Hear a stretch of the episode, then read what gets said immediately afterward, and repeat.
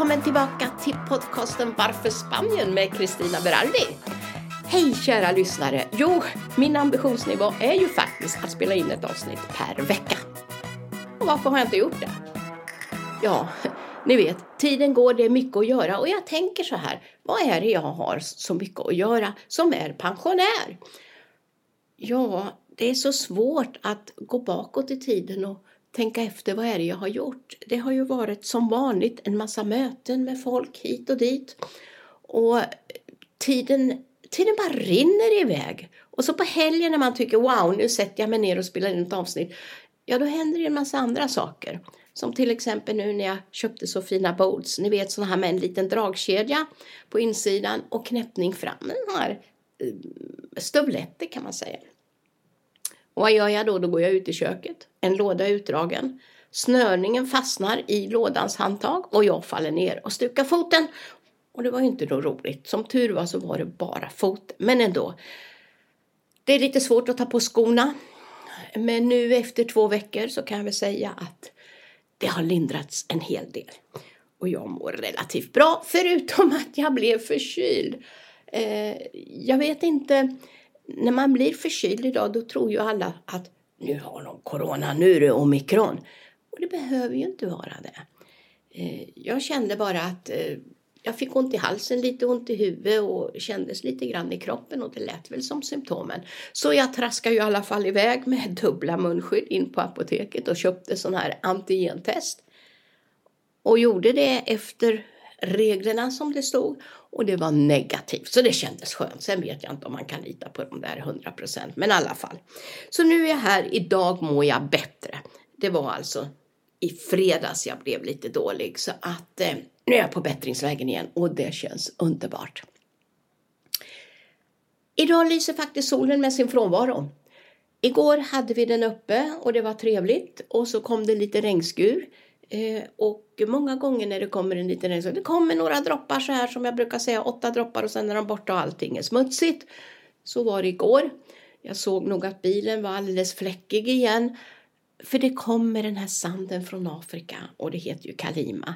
Värst drabbat av Kalima nu hela januari har det faktiskt varit på Kanarieöarna. De har haft de här milda varma vindarna från norra Afrika och ut över havet och då har de dragit med sig den här sanden. Och det är ju inget roligt. Och framförallt inte stackarna nu när de har så mycket aska att ta reda på. Det är ju aska överallt. Jag vet inte hur de klarar det här och vad de gör av askan.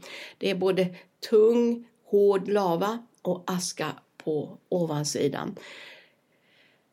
Ja, jag tänkte berätta en riktigt spännande sak för er nu. För ungefär två år sedan, sommaren 2020, så kom det hit en ung man som heter Emil Eriksson. På Facebook kallas han Emil Filmby. Han skulle göra en film om Torrevieja. Och det tyckte jag lät så positivt. En film som visar det fina, det bästa som vi har här med alla fantastiska människor också som bor här. Och han började intervjua det var några svenskar som kom hit för väldigt länge sedan. De hade en kolsyrefabrik i Sverige och drog hit och köpte upp mark och byggde en massa bostäder, främst till svenskar, så de började komma hit. Och den här film, familjen de finns ju fortfarande kvar här. Eh, fast det är väl mer barn och barnbarn nu idag som eh, är kvar och kan berätta om den tiden när det begav sig för dem. Emil har även intervjuat borgmästaren Eduardo Dolon här i Torrevieja. Och det kommer att bli jättespännande att få höra vad han har att förmedla till oss lyssnare. Hur som haver så tyckte jag den här filmen, av en händelse när jag var på ett möte här i onsdags, så träffade jag ett kommunalråd. Hon heter Gitte Lundthomsen. Och då sa hon, du den där filmen, sa hon. Och då förstod jag ju att det var ju Emils film hon pratade om. Det måste vi prata mer om, kan vi träffas? Och det gjorde vi, vi träffades i torsdags. Och vi hade ett långt möte. Och hon ser mycket framåt med den här filmen för Torrevieja och hon har massor med fantastiska idéer som jag inte vill avslöja här, men som vi kommer att få veta sen. Och då var det ju så fantastiskt härligt att jag kunde connecta de här två människorna, Gitte och Emil tillsammans. För nu kommer han tillbaka här i påskveckan och eh, ska väl göra lite mer grejer här. Och det ska bli så spännande att se den här filmen så jag kan uppmuntra er allihopa. Gå på Youtube, sök på Emil Filmby och titta på filmen, eller rättare sagt trailern, Torrevieja, Svenskarnas paradis. Den är underbar denna lilla två minuters trailer. Jag skulle önska att alla gick in på Youtube faktiskt och klickar gilla på hans trailer. För det kan hjälpa honom att sälja den här till något tv-bolag i Sverige och jag hoppas att han får hjälp också ifrån Torrevieja. För Torrevieja har ett litet skamfilat rykte. Jag ska inte säga att det har ett dåligt rykte, men många fnyser när man säger att man bor i närheten av Torrevieja. Det är mycket härligare om man säger att man bor i Portobanos eller Marbella, Malaga. Då låter det lite bättre. Men vi är väldigt nöjda med att bo här och vi upplever inte att det är något eh, konstigt med att bo i närheten av Torrevieja. För jag bor ju strax söder om Torrevieja. Det heter ju Oruela Costa. Och eh, nu är det ju så att Torrevieja styrs av borgmästaren Eduardo Dolon och jag tillhör Oruela. Och vår borgmästare han heter Emilio Buscagnano. Så att det är eh, lite olika så att vi kan inte påverka varandra på det sättet. Eh, jag menar i valet, för nästa år förstår ni, då är det valår igen. Och vi har ju val var fjärde år. Och förra gången det var val, då var jag ju naturligtvis och rösta. Jag känner det som att det är min plikt. Och vad har man för partier att rösta på här? Ja, det är väl som i Sverige. Det är Eh, miljöpartier, det är vänsterpolitiker och det är de i mitten och det är de på högra sidan. Och jag som utlänning får då rösta lokalt här i kommunalvalet och i Sverige får jag rösta på riksdagsvalet. Och här i Oruela Costa har vi ett lokalt parti som inte är höger, inte vänster. Har bara fokus på lokala saker. Och det de verkar för det är att vi ska få en bättre samhällsservice. Vilket inkluderar bland annat våra vägar ska få ett lika bra underhåll som vi har i Oruela, som är vår residensstad. Vi vill också ha bättre ordning på sophanteringen och där kan jag väl lägga till att det är ju inte bara kommunen som står för, för det utan det är ju vi som bor här som slarvar, som inte slänger i soporna i, i respektive container utan lägger dem utanför och inte sorterar plast, metall och, och glas och sånt här utan bara slänger huller om buller. Så här måste vi faktiskt bättra oss och kanske det ska bli lite mer information hur vi gör. Även om det står tydligt var man kan kasta vad för någonting. Och eh, man också ser till att våra parker ska vara fina. Flera av parkerna runt där jag bor har nu uppdaterats, har genomgått en total förändring. Man har plockat bort alla trasiga bänkar dit med nya bänkar, planterat nya träd, bevattningssystem och alltihopa. Ser väldigt fint och vackert ut nu och det tycker jag också är eh, en, en, en extra prick över i här.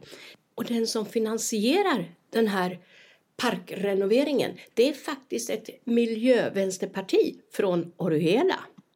Och nu har det beviljats att vi ska få ett kulturhus.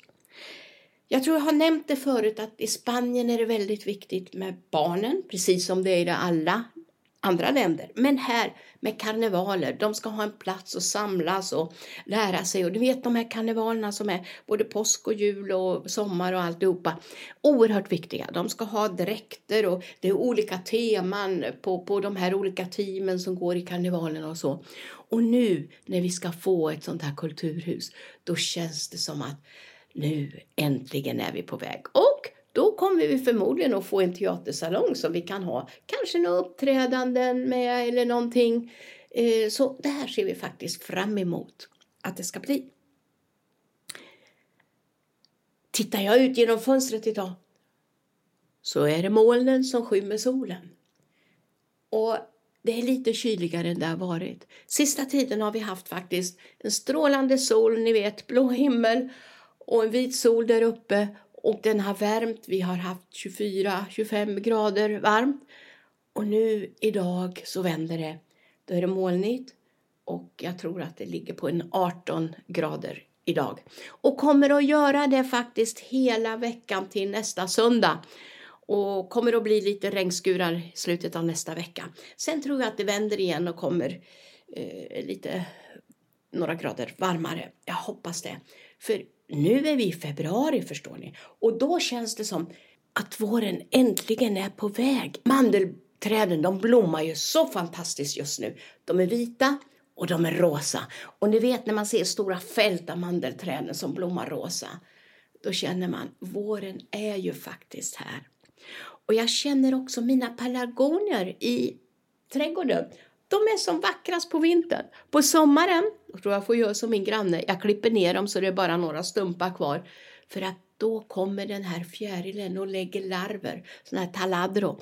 Och då äter de upp de här eh, skälgarna, eller rättare sagt, de dör. De förtvinar helt plötsligt, för de lägger larverna in där.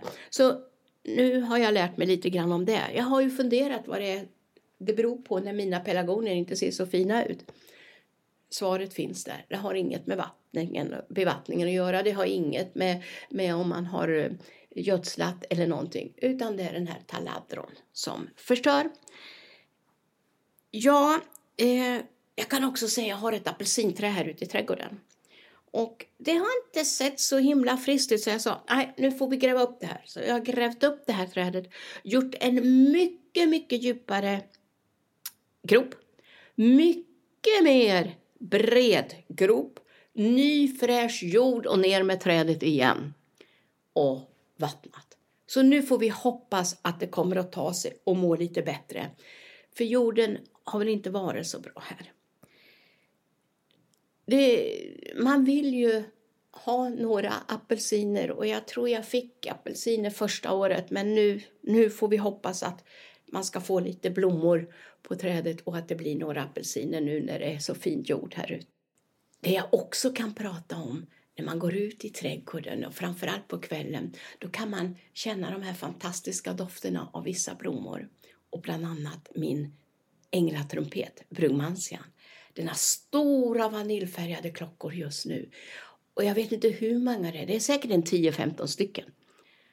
Och de doftar underbart. Just på kvällen känner man det som mest.